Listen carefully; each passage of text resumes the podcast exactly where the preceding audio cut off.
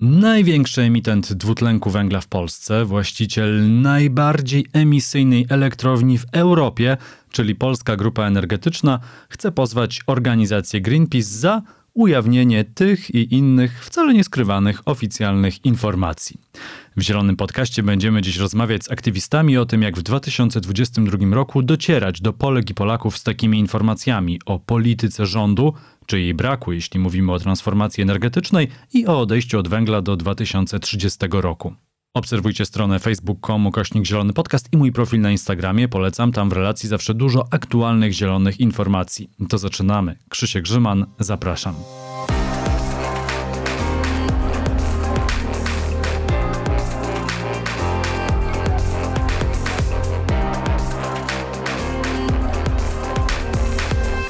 Gośćmi Zielonego Podcastu są Kasia Bilewska, rzeczniczka Greenpeace y, Polska. Dzień dobry. Dzień dobry. Oraz Konrad Skotnicki, popularyzator nauki w mediach społecznościowych y, powiązany z Greenpeace'em. Witaj. Cześć. Znany w social mediach jako doktor z TikToka. Y, pierwszy raz odpaliłem TikToka, trzeci raz w życiu, pierwszy raz z tobą. 6 milionów, prawie 6 milionów polubień i 290 tysięcy obserwujących. Tak, też jestem zaskoczony, biorąc pod uwagę, że zacząłem to jakiś pół roku temu, może trochę więcej. Zacząłeś to pół roku temu? No zacząłem to w, tak na poważnie, to w maju zeszłego roku, więc no w maju powiedzmy będzie rok, więc to jest jakieś tam 9 miesięcy powiedzmy. Wow, czyli trzeba realizować swoje plany, bo ja w wakacje zeszłego roku mówiłem komuś, moim marzeniem na 2020 rok jest nauczenie się TikToka i robienie tam rzeczy. Ktoś mi powiedział, o wow, ale ty masz marzenie, strasznie ambitny człowiek. I gdybym wtedy zaczął to robić w te wakacje, to mógłbym dojechać do 6 milionów, no ja, może do 5. Ja to i tak mam wyrzuty sumienia, że wcześniej nie zacząłem, bo ten TikTok TikTok wystrzelił w Polsce, jak się pandemia zaczęła, czyli gdzieś tam, nie wiem, na początku 2020. 20. Więc jakby zaczął pół roku wcześniej, to myślę, że już teraz by było, nie wiem, może milion. No ale kurs, kurs, kurs pozytywnego myślenia, zobacz, zacząłeś e, później niż chciałeś, ale zacząłeś i już coś masz, a ja tylko i wyłącznie o tym myślę. No ale e, spotykamy się w Zielonym Podcaście po to, żeby porozmawiać o polskiej grupie energetycznej, czyli największym emitencie e, w Polsce. No właśnie, w zasadzie można porozmawiać o greenwashingu tego emitenta. Uderzacie w PG w nowej kampanii, kampanii outdoorowej i kampanii w social mediach. A dlaczego się łapiecie właśnie tych metod. Pozwy już nie działają, e, polski rząd i tak nic nie robi, spółki państwowe i tak nic nie robią, to trzeba szukać kolejnych metod, żeby jakoś dotrzeć do tych firm, a przede wszystkim dotrzeć do społeczeństwa, żeby ludzie to zobaczyli? To jest tak, że nie ma jednej metody, która działa, zwłaszcza w takim działaniu aktywistycznym, które my na co dzień y, uprawiamy, czyli prowadzenie kampanii na rzecz zmiany i to zmiany systemowej. Ja na pewno chciałabym powiedzieć, że pozwy, takie pozwy klimatyczne, które już znamy z e, innych krajów, to jest świetna metoda, która, która działa. Mamy tutaj przykład Holandii, która będzie musiała zrewidować swoją strategię energetyczną właśnie ze względu na to, że przegrała w sądzie y, i, y, i rząd będzie musiał dostosować swoje plany redukcji emisji gazów cieplarnianych. Więc my też liczymy na to, że podobne pozwy będą działały w Polsce. Ale teraz akurat postanowiliśmy skupić się na mm, takiej jednej kwestii, która jest kluczowa z perspektywy kryzysu klimatycznego i sprawiedliwej transformacji energetycznej, a mianowicie to, że największy największy koncern energetyczny w Polsce, który dysponuje i środkami, i możliwościami, jest spółką Skarbu Państwa, zamiast wydawać e, pieniądze na rzeczywistą, sprawiedliwą transformację energetyczną, zamiast wyznaczyć sobie ambitny cel odejścia od spalania paliw kopalnych, wydaje pieniądze na to, żeby mówić, jesteśmy liderem zielonej zmiany. E, prezes PGE, Wojciech Dąbrowski, lubi mówić o tym, że e, koncern PGE jest e, taki nowoczesny i będzie dążył do neutralności klimatycznej a tak naprawdę niewiele robi, żeby tak się w rzeczywistości wydarzyło. W ciągu ostatnich lat PGE wydało zaledwie 3, tak średnio mniej więcej 3,5% swoich nakładów inwestycyjnych na odnawialne źródła energii, to jest e, kropla w morzu potrzeb. E, większość inwestycji e, PGE to są zwykłe elektrownie, takie konwencjonalne, które spalają paliwo kopalne albo węgiel kamienny, albo węgiel brunatny. To są też kopalnie odkrywkowe węgla brunatnego. I w związku z tym postanowiliśmy pokazać, obnażyć ten greenwashing, pokazać, że to wcale nie jest tak, że PGE jest liderem zielonej zmiany. Nie ma tutaj żadnych ambitnych działań, nie ma żadnej sensownej strategii. PGE nie ma żadnej st takiej strategii długofalowej. Jedyną strategią, jaką mają, to jest oddanie tych, tych inwestycji węglowych, czyli oddanie elektrowni i kopalni innemu podmiotowi i zrzucenia odpowiedzialności na e, budżet państwa. Czyli tak naprawdę to my znowu z, naszej, z naszych e, pieniędzy zapłacimy za to, żeby wydzielić odrębny podmiot, który, który będzie taką umieralnią dla węgla. Natomiast będzie to bardzo kosztowne i bez wyznaczenia takiej granicznej daty, czyli według nauki to powinien być rok 2030, bez wyznaczenia tego, tego momentu, yy, czyli tak, chcemy odejść od węgla do 2030 roku, więc nasze strategie będą do tego dążyły, no to tak naprawdę nie ma co liczyć na, na żadną sensowną zmianę. A Polska jest jednym z największych emitentów gazów cieplarnianych w Unii Europejskiej. No gdyby nami nie rządził prawicowy, populistyczny rząd, to naprawdę wszyscy byliby teraz zszokowani, ale prawda jest taka, że mamy taki rząd, który w kampanii przekonuje, że wysokie ceny prądu w Polsce wynikają tylko i wyłącznie z polityki Unii Europejskiej, bądź jest to wina podatku Tuska. No i kropka. I w zasadzie o czym tu więcej rozmawiać? No, spółki Skarbu Państwa są przedłużeniem polityki państwa. Polityka państwa jest taka, żeby najlepiej nic nie robić, walczyć o węgiel, i kropka. Znaczy, bądźmy też tutaj e, sprawiedliwi. To nie jest tak, że tylko Prawo i Sprawiedliwość tutaj blokuje e, sprawiedliwą transformację, bo poprzednie rządy wcale nie były tutaj e, bardziej progresywne i wcale nie były znacznie lepsze. Natomiast jeżeli rzeczywiście popatrzymy sobie na to, że Prawo i Sprawiedliwość już drugą kadencję e, rządzi w naszym kraju, no to tutaj można było w ciągu tych ostatnich lat wprowadzić bardzo dużo zmian przede wszystkim e, wyznaczyć ten strategiczny cel, czyli odchodzimy od węgla do 2030 roku, odchodzimy od gazu do 2035 roku. Ja jeszcze może powiem, skąd się wzięły te daty, bo, bo my tak powtarzamy o tym e, odejściu od węgla do 2030 roku, a z to, czego to, to wynika? To, to, poczekaj, może do tego jeszcze przejdziemy, mhm. ale jednak też gwoli ścisłości, to jednak te ostatnie 6 lat nas ustyczniło, jeżeli chodzi o odnawialne źródła energii i ich rozwój w Polsce, bo co prawda instalacji fotowoltaicznych przybywa, ale od kwietnia już nie będzie to tak opłacalne dla indywidualnych inwestorów, czyli dla właścicieli domów. E, z kolei e, wiatraków na lądzie też już od kilku lat nie można stawiać. Miało to zostać zliberalizowane ponownie, ale ta zasada 10H została. E, no a z kolei inwestycje w offshore, czyli te duże wiatraki na morzu, no one są czasochłonne, kapitałochłonne i też jak na razie są cały czas w planach, więc te 6 lat, 6 lat, no każdy kolejny rok jest coraz bardziej kluczowy z punktu widzenia transformacji energetycznej. To jest każdy kolejny rok, to jest stracony rok dla Polski. E, wszystko się zgadza. My nawet nie mamy jeszcze ustawy offshore'owej, czyli nawet jeżeli takie duże koncerny jak PGE, bo tutaj nie, nie ma co się oszukiwać, w energetykę wiatrową na morzu będą mogły inwestować tylko duże e, podmioty, które dysponują odpowiednimi środkami.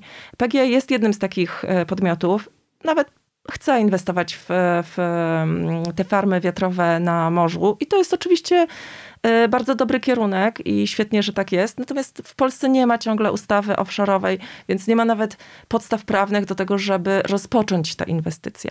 A my już jakiś czas temu obliczyliśmy, że Polska naprawdę może e, bardzo e, dużo nowej mocy do systemu dołożyć przez budowę klastrów farm wiatrowych na morzu. To może oddajmy głos e, Konradowi. E, jak oglądałem ostatni filmik na TikToku, e, to jest super ciekawe, bo myślę, że wiele osób nie ma świadomości, że korzystając na przykład z internetu czy ze smartfona, też przyczynia się, no całe nasze życie to są emisje tak naprawdę, więc nawet to korzystanie z telefonu to są emisje i to był bardzo zabawny filmik, w którym pokazywałeś ile emitujemy korzystając z TikToka chyba przez pół godziny czy przez godzinę dziennie, że w ciągu roku to tyle ile przejechanie 60 km samochodem spalinowym, a możemy ten ten czas spędzić w transporcie publicznym, e, przeglądać TikToka i pomóc e, uderzać w PGA.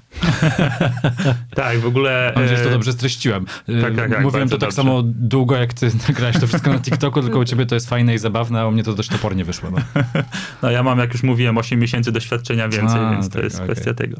E, ta kampania PGE w ogóle mi się bardzo podoba, bo to jest... Ja, ja, ja mam takie podejście do aktywizmu klimatycznego i w ogóle do aktywizmu, że to jest trochę startup.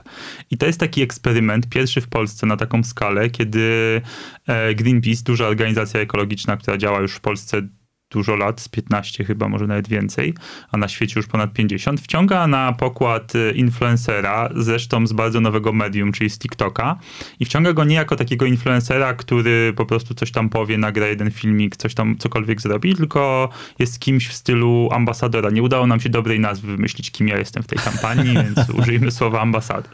Powiedzmy, że wciąga ambasadora, czyli taką osobę, która też interesuje się klimatem i też jakoś tak tam współpracuje z Greenpeace'em od, od wielu lat, lat. Um, więc nie, nie jestem taką losową osobą, która po prostu Greenpeace przychodzi, mówi powiedz to, to i to, tylko też kreuję, ja sam kreuję te treści. E, I to jest pierwsza taka duża kampania z ekologiczna z wykorzystaniem TikToka w Polsce, co jest bardzo ciekawe, a TikTok daje, jak już trochę sobie wspominaliśmy, możliwość osiągania naprawdę absurdalnie niedużych zasięgów, jeżeli porównamy z innymi mediami społecznościowymi. No i trafia do takiej grupy docelowej ludzi. E, co prawda TikTok nie udostępnia tych statystyk, ale ja tak szacuję po komentarzach powiedzmy, że to jest taka grupa ludzi 15-20 lat, taka największa, która mnie ogląda, więc trafia do ludzi, którzy są najbardziej zainteresowani klimatem, bo tam statystyki po, po, pokazują, że im młodsze osoby, tym bardziej przejmują się klimatem, co jest też bardzo rozsądne, no bo to oni najbardziej będą cierpieli w przyszłości e, z powodu katastrofy klimatycznej. Więc e, to jest duża kampania i ja się bardzo cieszę, więc to jest taki startup. Sprawdzamy, co się udaje, a co się nie udaje e, i pewnie będziemy jeszcze o tym mówili, ale ta kampania ma dwie takie duże odnogi. Jedna odnoga jest ta online'owa, głównie TikTok, czyli ja i jeszcze kilka innych influencerów i influencerek z TikToka. Ma też odnogę outdoorową, e, gdzie mamy w, w centrum Warszawy e, bardzo dużo plakatów na przystankach i tych takich słupach reklamowych oraz powstały dwa wielkie murale. Jeden właśnie się domalowu, domalowuje dzisiaj, Jeden mural jest z ogromnym borsukiem mówiącym, że e, kopalnia Bełchatów jest tak wielka, że mogłaby być e, grobowcem dla całej ludzkości, chociaż z borsunią, bo to jest, to jest samiczka, tak stwierdziliśmy, to jest borsunia przy metrze Politechnika, a drugi mural Be się... Bełchatów to tylko się wtrącę, chyba największy emitent dwutlenku węgla w Europie. Elektrownia.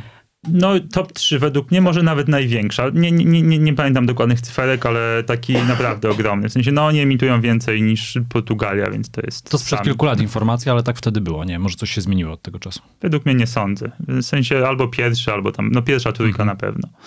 E, więc ten mural, który powstaje na patelni, to też będzie mural, na którym oprócz zwierzątek, które wykorzystujemy w kampanii, będę też ja mówiący ciekawostki klimatyczne, więc to jest ciekawe przejście z online'u do offline'u i też z tego, co patrzyłem, to pierwsze w takiej skali w Polsce, w takim aktywizmie klimatycznym. Na patelni, czyli przed A, tak, wejściem tak, tak, do tak. metra tak. centrum. No, nie każdy jest z Warszawy. Tak, tak, każdy... tak. Po, popełniliśmy fopa w tej kampanii, ponieważ e, jeden, jeden... Aż jestem ciekaw, to są te najciekawsze tak. smaczki. No? Tak, jeden z plakatów który mamy, mówi, y, są tam, jest tam Neptun na w Gdańsku, tak, który na nas właśnie napisaliśmy, że na gdańskiej starówce jest Neptun, który mówi, znaczy nie mówi tylko, że czy PG uważa, że gdańska starówka powinna zostać zalana. Okazuje się, że ludzie w Gdańsku nie mówią na starówkę starówka, że to jest warszawskie powiedzenie na stare miasto, że to jest starówka. Więc, Serio? Tak, tak, dostaliśmy tak.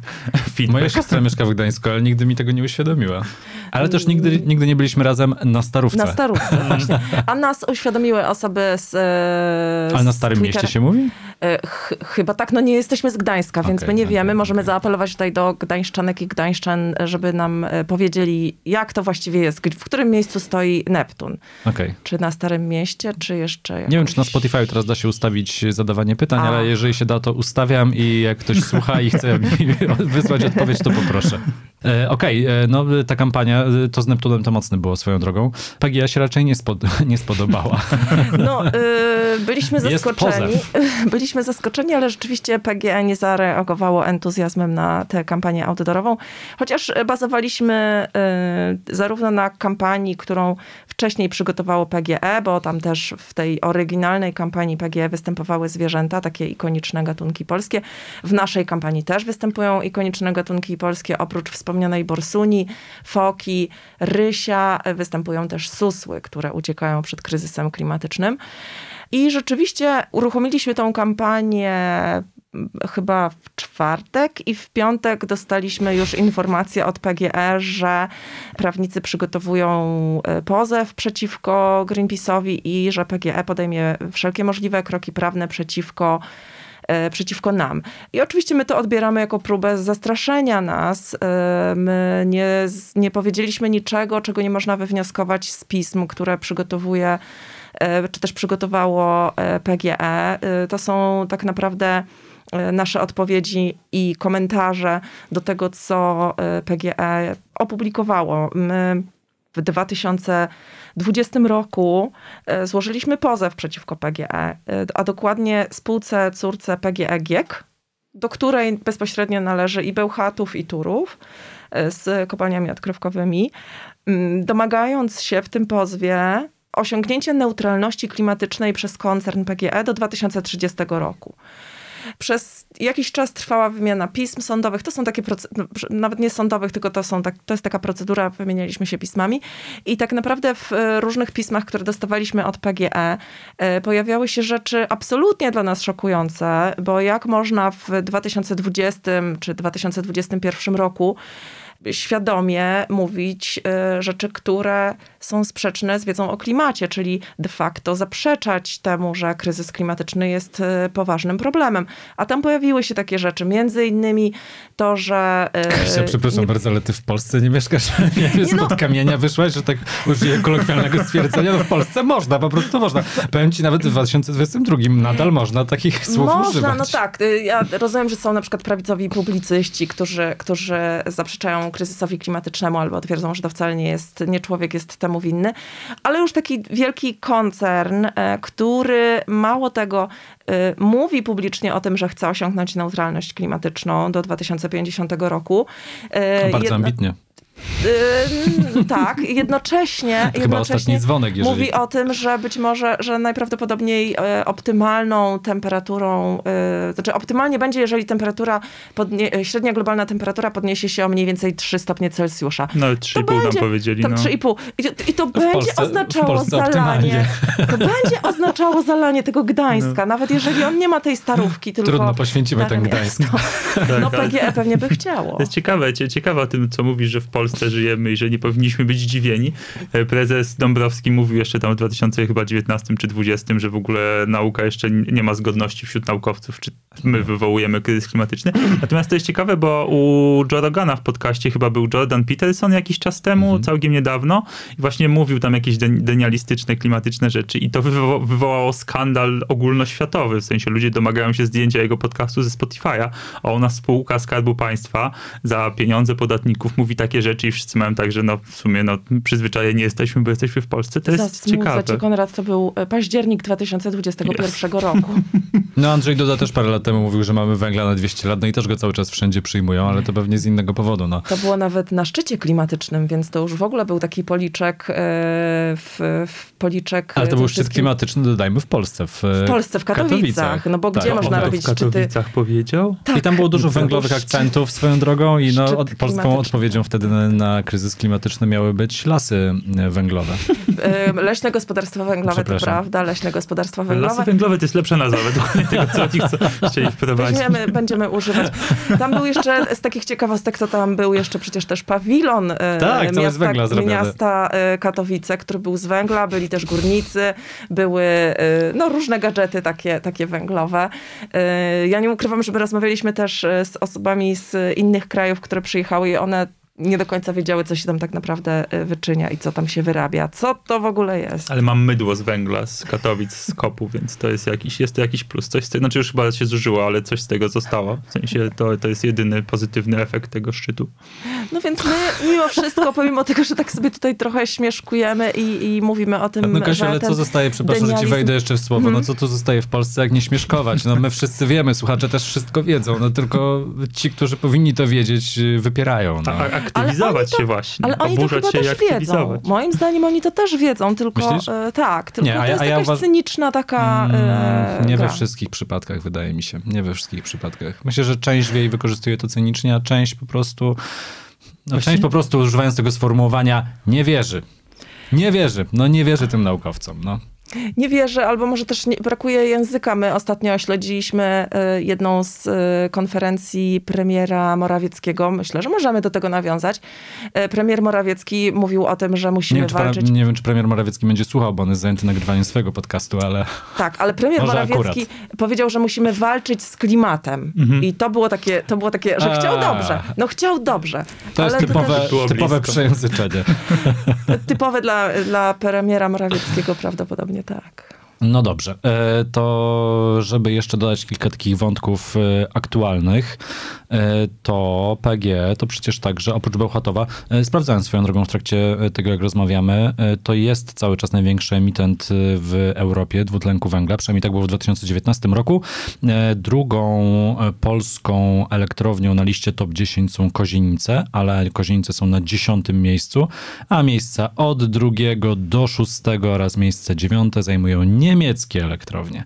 To też tak. dla porządku, żeby wszyscy mieli świadomość, że to nie tylko polscy są tym, Polacy i polskie firmy są takie złe. Ale możemy coś o tych e, Niemczech, bo to jest może też dobry moment, żeby powiedzieć, e, ja nie będę tutaj bronić niemieckiego systemu energetycznego, też nie jestem ekspertką od, e, od tego, jak tam wygląda E, proces e, transformacji energetycznej, ale Niemcy mają wyznaczoną datę odejścia od węgla. To najpierw był rok 2038, e, oczywiście za późno. Dobrze, że powstał taki, taki plan, ale, ale oczywiście za późno. A teraz przy zmianie rządu, czyli już właściwie kilka miesięcy temu, E, została przyjęta nowa data i to jest rok 2035, e, jeśli dobrze pamiętam. Tak. Mogłam się pomylić, ale chyba 35. Znów, nie jest to e, wystarczająco szybko nie, nie jest to deklaracja osiągnięcia e, tego e, momentu odejścia od węgla wystarczająco szybko, no ale mamy tutaj już ewidentnie widzimy, że, że jest tam strategia, no bo to jest jakiś wyznaczony cel, do którego trzeba dążyć. W Polsce nie ma w ogóle daty odejścia od węgla wyznaczonej przez e, rząd i jesteśmy chyba jednym z ostatnich, jeśli nie ostatnim, krajem w Unii Europejskiej, który nie ma takiej daty ale nie ma też procesu ustalania takiej daty, czyli w ogóle nie ma, nie ma nikt nie, nie pracuje nad tym, żeby, żeby wypracować e, taki kompromis, który by mówił, ok, e, dołożymy wszelkich starań, żeby odejść od węgla do roku X, więc tak naprawdę można powiedzieć, że w Polsce nie ma, nie ma żadnego planu na sprawiedliwą transformację energetyczną. A może się to skończyć tak, co jest bardzo prawdopodobne, że ceny emisji gazów cieplarnianych e, będą rosły. Już teraz sięgnęły 96 euro za tonę. To jest bardzo dużo. E, w polskich dokumentach e, takiej polityce energetycznej Polski do 2040 roku cena 100 euro za tonę CO2 pojawia się dopiero w roku 2030, więc tutaj widać, że mamy, e, że, że ten, ten, e, ta strategia jest kompletnie nieaktualna i ona nie przewiduje, że produkcja energii z węgla będzie coraz bardziej nieopłacalna. Po prostu koszty będą bardzo, bardzo wysokie. No i wciąż, no, na samym początku mówiliśmy o tym, że zablokowany jest rozwój energetyki odnawialnej, co jest chyba największą tragedią. Bo gdybyśmy w Polsce mieli rozwój odnawialnych źródeł energii, gdyby one rzeczywiście się rozwijały i rozwijały się bardzo dynamicznie, e, to wszyscy byśmy na tym skorzystali. Nie tylko klimat, nie tylko przyroda, ale też my, czyli, czyli e, konsumenci, którzy muszą na końcu płacić te rachunki za prąd. Tutaj e, tak, takie porównanie, możemy, możemy jeszcze użyć takiego porównania, że na Litwie, Litwa jest w ogóle bardzo ciekawym przykładem, bo na Litwie średnia cena produkcji, średni koszt produkcji energii elektrycznej z, od, przez to, że mają tam bardzo dużo e, wiatraków, spadł o 30% w styczniu w porównaniu do średniej ceny w grudniu 2021 roku.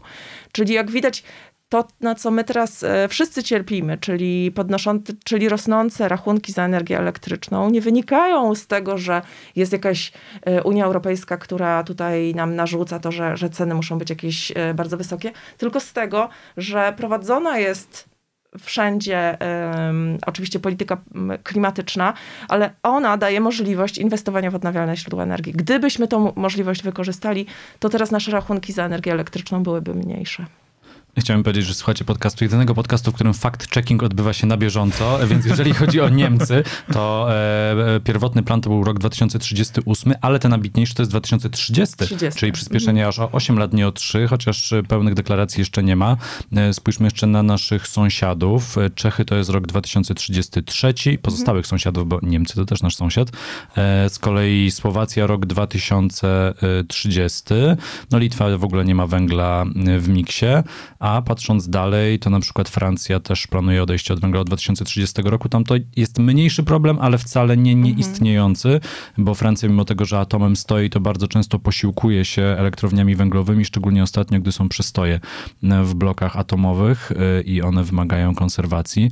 Y, Węgry też rok 2030, aż jestem zaskoczony. Hiszpania również rok 2030, czyli bardzo, y, bardzo to przyspiesza. Skoro już wskoczyliśmy na ten temat roku 2030 w Polsce, mm, a w Polsce jednak trwa dyskusja, w Polsce, w Polsce, e, a u nas e, w końcu trwa też dyskusja mm, a propos tego, jak będzie wyglądał przyszły miks energetyczny. No, sytuacja u naszych zachodnich sąsiadów zresztą jest e, ciekawa, no bo Niemcy mieli atom, z atomu zrezygnowali, została tam jedna elektrownia, która zostanie wygaszona w tym roku i jako przejściowe paliwo będą wykorzystywać gaz. Polska jest w takiej sytuacji, że ma bardzo dużo przestarzałych bloków węglowych. W miksie energetycznym OZE mm, dopiero rośnie, to i, i jak ma wyglądać ten nasz miks energetyczny e, w roku 2030 już bez węgla? E, mogę ja trochę pomówić na ten temat, bo to, to jest, to, to, jest zagadnienie, dla mnie takie meta zagadnienie. To nawet ja nie jestem specjalistą od energetyki, więc yy, nie powiem, ile ma być procent wiatraków i w ogóle nawet nie powiem, skąd ma dokładnie pochodzić ta energia. Natomiast dla mnie, jako naukowca, yy, według tego, co mówi IPCC, jakąś taką granicą, kiedy powinniśmy odejść od węgla, jest rok 2030 i to jest dla mnie istotne. I teraz mamy ekspertów w rządzie, jakiś tam, oni powinni być. E, wiemy, co mamy zrobić, więc teraz ci ludzie, którzy zajmują się energetyką, w, według mnie jako aktywisty, jako obywatela, powinni usiąść i wymyślić, w jaki sposób do tego 2030 węgiel ma zniknąć z Polski. No takie ogólne założenia są oczywiście takie, że dużo wiatraków na morzu, dużo wiatraków na lądzie, usunięcie tej nieszczęsnej e, ustawy odległościowej, która zniszczyła polską energetykę wiatrową.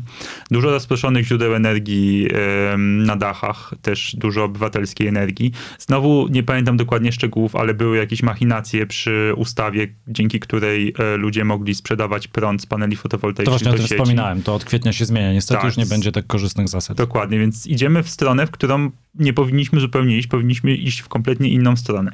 Plus mamy jeszcze ogromny problem nas, naszych sieci przesyłowych, które są kompletnie nieprzystosowane do nowoczesnej energetyki, e, które są bardzo stare i na których nie pamiętam dokładnych procentów, ale tracimy bardzo dużo energii, także gdyby je zmodernizować, to moglibyśmy wyłączyć kilka elektrowni węglowych, bo nie tracilibyśmy na samym przesyle, więc po prostu nasze, e, kolokwialnie mówiąc, rury, którymi przesyłamy prąd są po prostu dziurawe, więc ten prąd sobie wycieka po drodze. No i każdy ekspert od energetyki powiedziałby ci jeszcze efektywność tak. energetyczna. My nie mamy zużywać cały czas tyle samo energii, tylko szukać rozwiązań, które pozwolą zużywać jej mniej. No więc jest tak, że polski rząd idzie w odwrotną stronę niż powinien iść. Nawet, nawet nie jest tak, że stoi w miejscu. On idzie w przeciwną stronę, w sensie zmniejsza energetykę odnawialną w kraju. I tu jest jeszcze ogromny problem społeczny, który nas uderzy z taką siłą prawdopodobnie, że to będzie nie, niesamowite po 2030.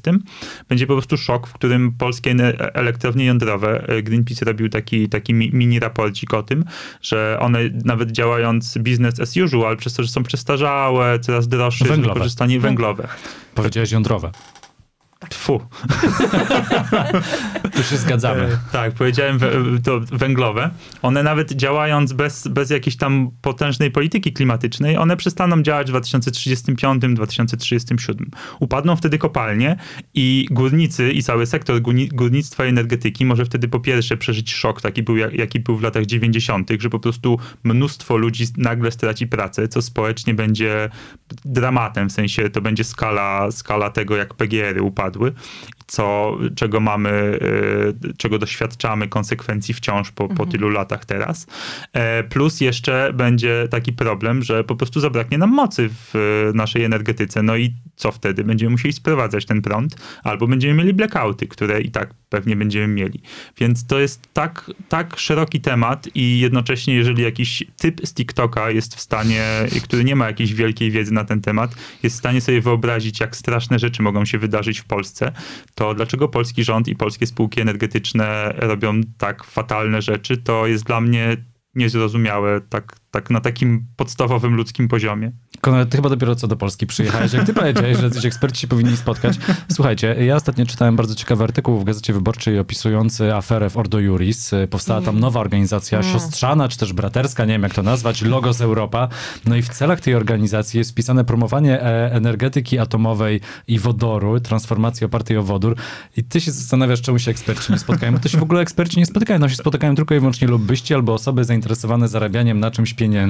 I one sobie ustalają, że no tu pewnie na atomie da się trochę zarobić, to tutaj sobie powołamy fundację, a my tutaj zrobimy spółeczkę, a my tutaj e, napiszemy e, jakąś analizę. Myślę, że tak to niestety w Polsce wygląda, let's face it. Oczywiście, że tak wygląda i my jesteśmy tego świadomi. Oczywiście tutaj sobie troszkę, troszkę, troszkę sobie żartujemy, ale e, my przede wszystkim oprócz tego, że korzystamy bardzo intensywnie z wszelkiego rodzaju analiz, ekspertyz, raportów, czy to polskich think tanków, czy organizacji pozarządowych, na przykład świetna e, instytucja Instrat publikuje takie analizy, bardzo mm, często, dużo ich produkuje, ale to są naprawdę poważne, poważne analizy. Oni ale super, też... ale proatomowi ale też, ale też na przykład Międzynarodowa Agencja Energii, tu też powiesz, że y, są y, proatomowi, ale przygotowali scenariusz dla Unii Europejskiej, y, z którego wynika, że można odejść od węgla do 2030 roku. A jeszcze mówiąc akurat o energetyce jądrowej, no nie da się zbudować bardzo szybko tych reaktorów jądrowych, więc my nawet jak mówimy o miksie energetycznym, który powinien e, się zadziać do tego 2030 roku, no to nie wspominamy o energetyce jądrowej, e, bo no ja akurat śledzę to, co się dzieje w e, programie jądrowym mniej więcej od 2005 roku. To nie e, powstanie no i... do 2030 roku na pewno, to chcesz powiedzieć? nie, chcę powiedzieć, że, e, te, że realizacja, realizacja projektu programu jądrowego w Polsce polega na wydawaniu pieniędzy de facto. To jest, to jest tylko i wyłącznie wydawanie pieniędzy. E, nie, nie powstaje nic materialnego od tego 2005 roku. Ja mam bardzo małą wiarę w to, że w Polsce mogłaby powstać elektrownia jądrowa, ale nawet gdybyśmy ją rozważali tutaj teoretycznie jako, jako jeden z, z elementów miksu energetycznego, no to ona nie odpowiada na te wyzwania, które mamy teraz, czyli kryzys klimatyczny postępuje, musimy odejść od węgla do 2030 roku. Więc my nie możemy sobie pozwolić na to, żeby inwestować w takie źródła, które dopiero później nam e, pomogą przetransformować sektor, więc nie możemy się uzależniać od kolejnego e, źródła, które będzie dla nas niekorzystne. Tak samo jak nie możemy się uzależniać od gazu, a właśnie teraz to planuje nam zafundować polski rząd. Nie tylko zresztą polski rząd. No, konkluzja, jeżeli ktoś chce mieszkać w 2030 roku w kraju, w którym nie ma węgla, to musi się wyprowadzić z Polski, e, bo e, najpewniej aktualnie nic nie wskazuje na to, żeby to się miało e, zmienić. Jeszcze w kontekście PG, bo parę minut temu powiedziałem, że chciałem coś aktualnego jeszcze dorzucić, chociaż to wszystko jest bardzo aktualne, to to, że sprawa Turowa to także jest sprawa PG, bo Turów jest tak. spółką, czy należy do spółki córki PGE. Wielka kara, którą zapłacimy my wszyscy jako Polacy, to jest łącznie chyba z 65 milionów euro, chociaż ten licznik Trybunału Sprawiedliwości Unii Europejskiej cały czas bije i to jest pół miliona euro dziennie. Większość z naszych podatków, tego co zapłacimy, ale 10 milionów to jest taka kara czy, czy płatność bezpośrednio z PGE.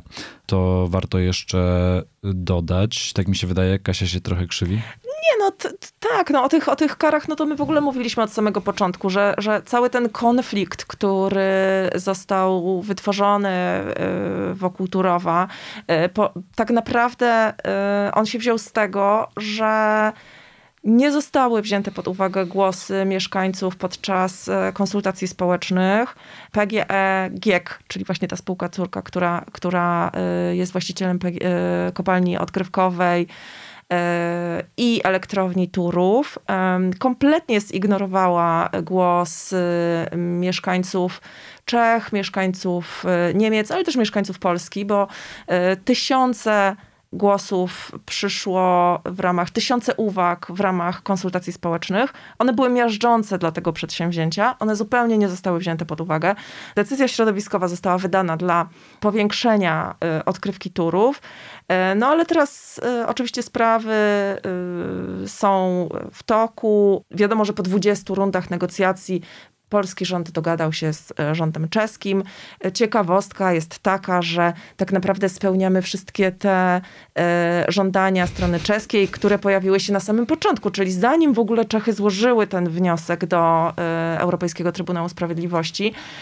Więc tak naprawdę można to było załatwić jeszcze przed tą, tym całym bałaganem. Można było się dogadać. Zresztą ówczesny minister środowiska Czech, e, czyli w ubiegłym roku był w Polsce, przyjechał specjalnie po to, żeby e, z Polską negocjować jeszcze przed złożeniem skargi do, do Trybunału Sprawiedliwości, czy też do Komisji Europejskiej.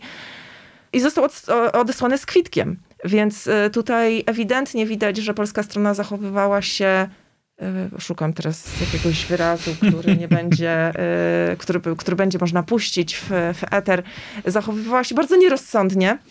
I, i Ale to jeszcze może poszło. tylko dodam na marginesie taką dygresję, że to są jednak też wewnętrzne wojenki w obozie Zjednoczonej Prawicy, bo to zależało, kto by ogłosił ten sukces w cudzysłowie. Tak. Że jeżeli by to ogłosił Jacek Sasin, to by było nie w smak premierowi Morawieckiemu, e, więc wiadomo, to, to, że nawet musimy zapłacić, to pewnie premier machnął na to ręką, bo już on mógł to ogłosić jako swój sukces. E, a, Zresztą ogłosił. No, no tak, tak, tak. Mówię, mówię, tak, tak, tak, właśnie dlatego tak, mówię, że tak, mógł tak. to ogłosić i to już, to już mu wystarczało. No już pal 6 to tam to i tak ze swoich nie płaci.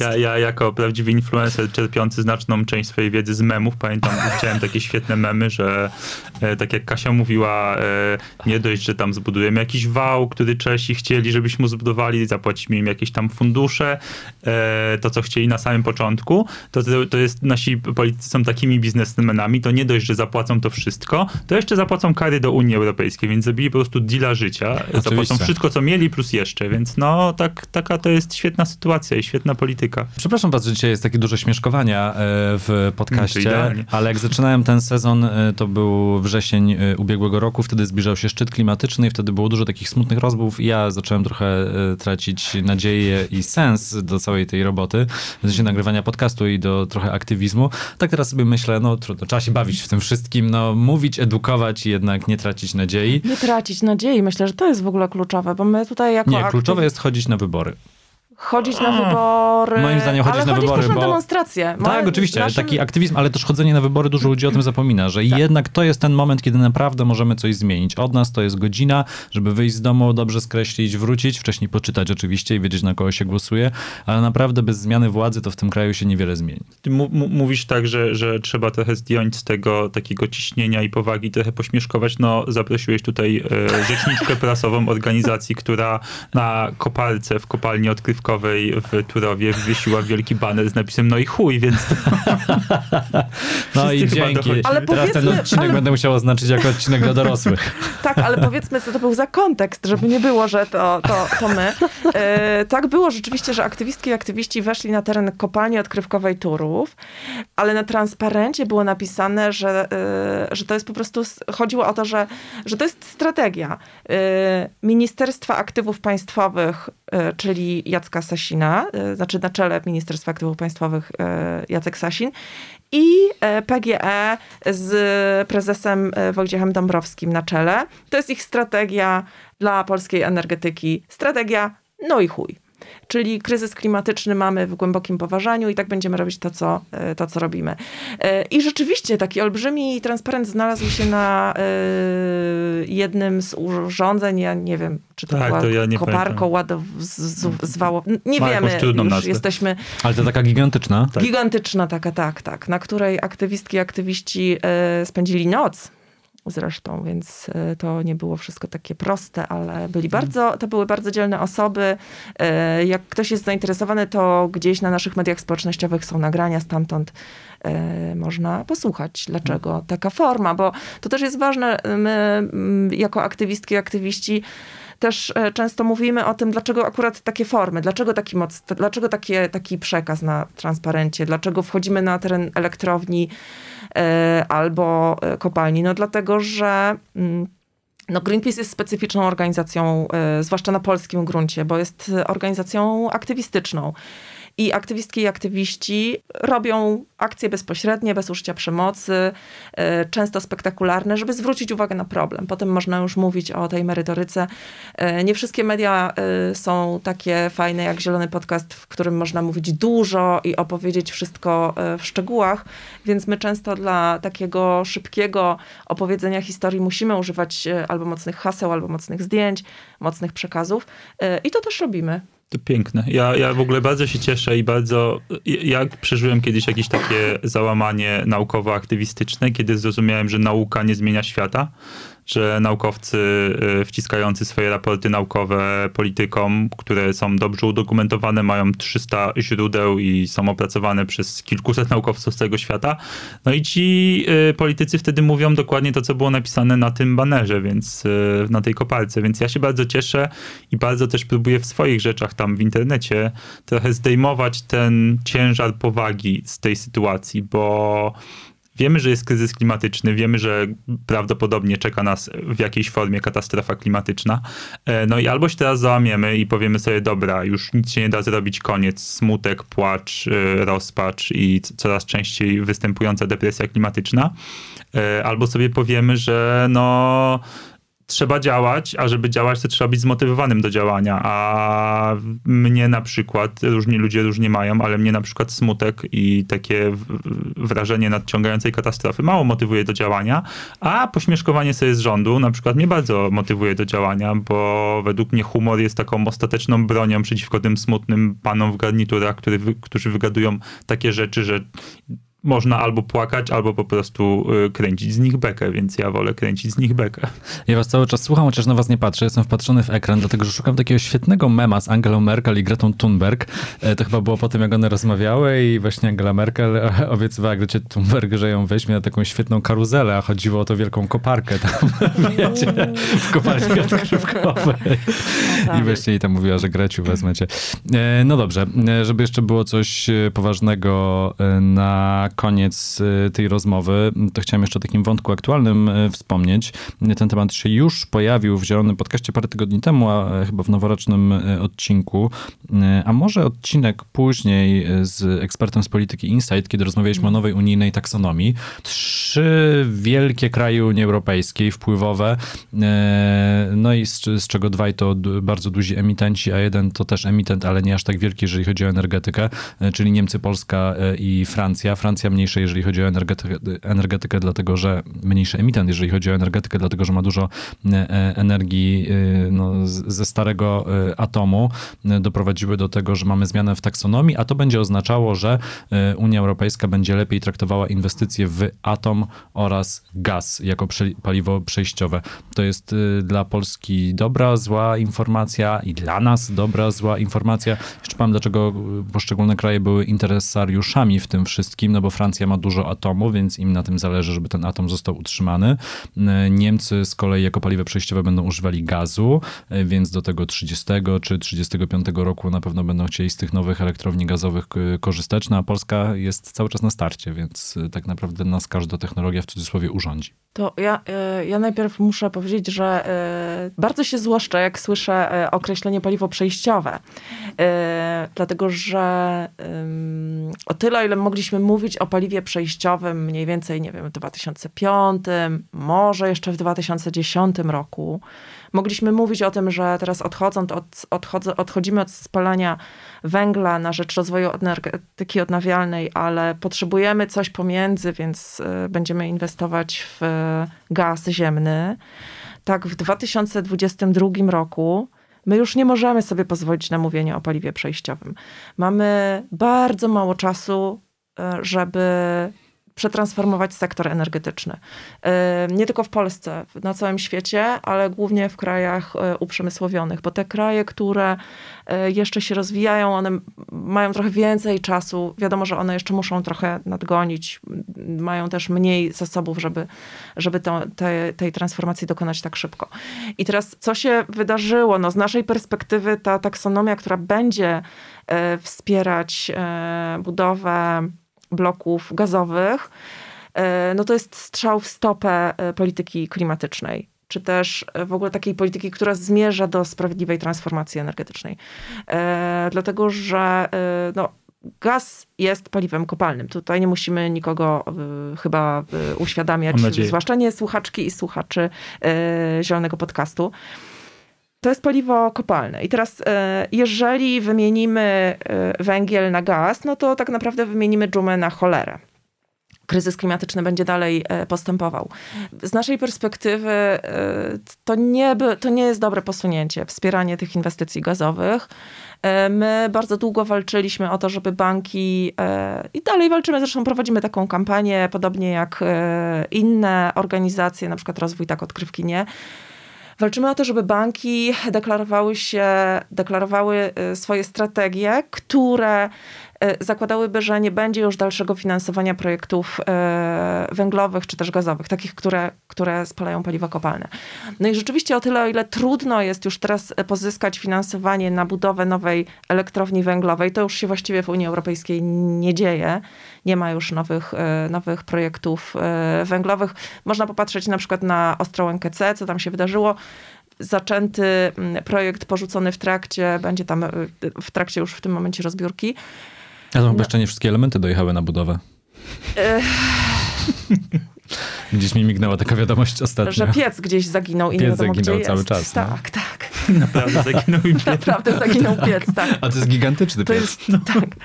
I teraz budowa takich bloków gazowych znowu uzależni nas od y, gazu, czyli paliwa kopalnego, które będziemy znowu musieli sprowadzać z zagranicy. Mamy rosnące ceny emisji gazów cieplarnianych, czyli za każdą tonę wyemitowanego dwutlenku węgla będziemy musieli płacić. I tak samo będzie w przypadku gazu. No też to, to po prostu nie będzie opłacalne już, jeżeli nawet odejmiemy sobie ten, ten, y, to, ten aspekt ochrony środowiska, czy klimatu, czy naszej bezpiecznej przyszłości, nawet jeżeli to nie będzie naszym priorytetem, to po prostu ekonomicznie to się nie będzie spinać. To będą bardzo y, drogie inwestycje. I my byliśmy, ja nie ukrywam, ja się y, trochę załamałam, jak zobaczyłam, że jest grupa europosłanek i europosłów z Polski ponad podziałami ludzie z prawej strony sceny politycznej, z ludźmi z lewej strony e, sceny politycznej, czy też z centrum, wszyscy razem napisali list e, do Komisji Europejskiej, w którym e, domagali się tego, żeby właśnie taksonomia uwzględniła finansowanie projektów gazowych. No i to było bardzo takie smutne, bo w niczym innym e, polska prawica i lewica się nie zgadza, czy też centrum, jakkolwiek to nazwać, e, nie, nie, nie działają razem e, ponad podziałami na rzecz równych praw kobiet i mężczyzn, na rzecz ochrony przyrody, a tutaj akurat, żeby się bardziej uzależnić od gazu, czemu nie? Ręka w rękę. I, no i to było, to było dla nas takie, dla mnie osobiście to było bardzo jakieś takie trudne i ta taksonomia rzeczywiście moim zdaniem tylko y, zacementuje sektor energetyczny w Polsce mm, scementuje ten sektor, który jest oparty na spalaniu paliw kopalnych. Zamiast e, dążyć do rozwoju odnawialnych źródeł energii, będziemy stawiać elektrownie gazowe. Ostatnie słowo należy do doktora. Z TikToka.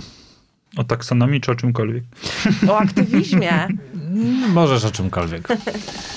E, to ja powiem, to ja się odniosę do tej taksonomii jeszcze, jako tutaj nie przedstawiciel Greenpeace'u, tylko jako przedstawiciel powiedzmy nauki bardzo związanej z atomem przez pewien czas. E, I w tej taksonomii jest też wspominałeś o tym, że jest atom i rozmawialiśmy sobie tutaj jeszcze przed nagrywaniem trochę o tym atomie. I mnie tak irytuje ten poziom zafiksowania niektórych ludzi na atomie, że to jest aż, aż dziwne, bo ja, ja nie mam problemu z samą technologią atomową. Zresztą mam doktorat z chemii radiacyjnej, więc pewnie nie mógłbym być mniej więcej rozumiem, jakie procesy tam zachodzą. To jest fascynujące, w sensie mnie to bardzo fascynuje z punktu widzenia nauki. Natomiast zafiksowanie polskiej energetyki na takiej wielkiej inwestycji jak e, e, elektrownia jądrowa, która tam w tych planach powiedzmy z 2010, 11, 12 ma mieć 3 gigawaty mocy, miała mieć ten, te, te, te, ta pierwsza, no to to jest... Ile, ile to jest właśnie procent w skali całej polskiej energetyki? Jakieś mniej niż 10 według Wydaje mi się, mnie. że z 6. 6 no, około 6. No, więc to jest... To jest niesamowite, prawda? że cała, cała dyskusja ogniskuje się wokół zbudowania tej pierwszej elektrowni i tak naprawdę z tych 70% węgla 6 będziemy mogli zamienić na atom i co dalej? No i to jest, to jest w ogóle... Jest niesamowite, też, prawda? To jest, to jest bardzo niesamowite i to jest, co jest jeszcze ciekawe, jak powiesz, że no, uważasz, że, że, że jesteś przeciwko atomowi w Polsce, to jesteś nazywany antynaukowym człowiekiem. I to jest w sensie poziom fiksacji na takich blokach, w których ludzie przyjmują poglądy jest niesamowity. W sensie jak jesteś naukowcem, no to jesteś za szczepionkami, za atomem i za GMO, a jak jesteś, nie wiem, yy, ekologiem, tutaj sobie trochę żartuję, no to jesteś za szczepionkami, chociaż czasami przeciwko, jesteś przeciwko atomowi i przeciwko GMO. To są takie bloki, w których, które wielkie się ścierają poglądy w Polsce.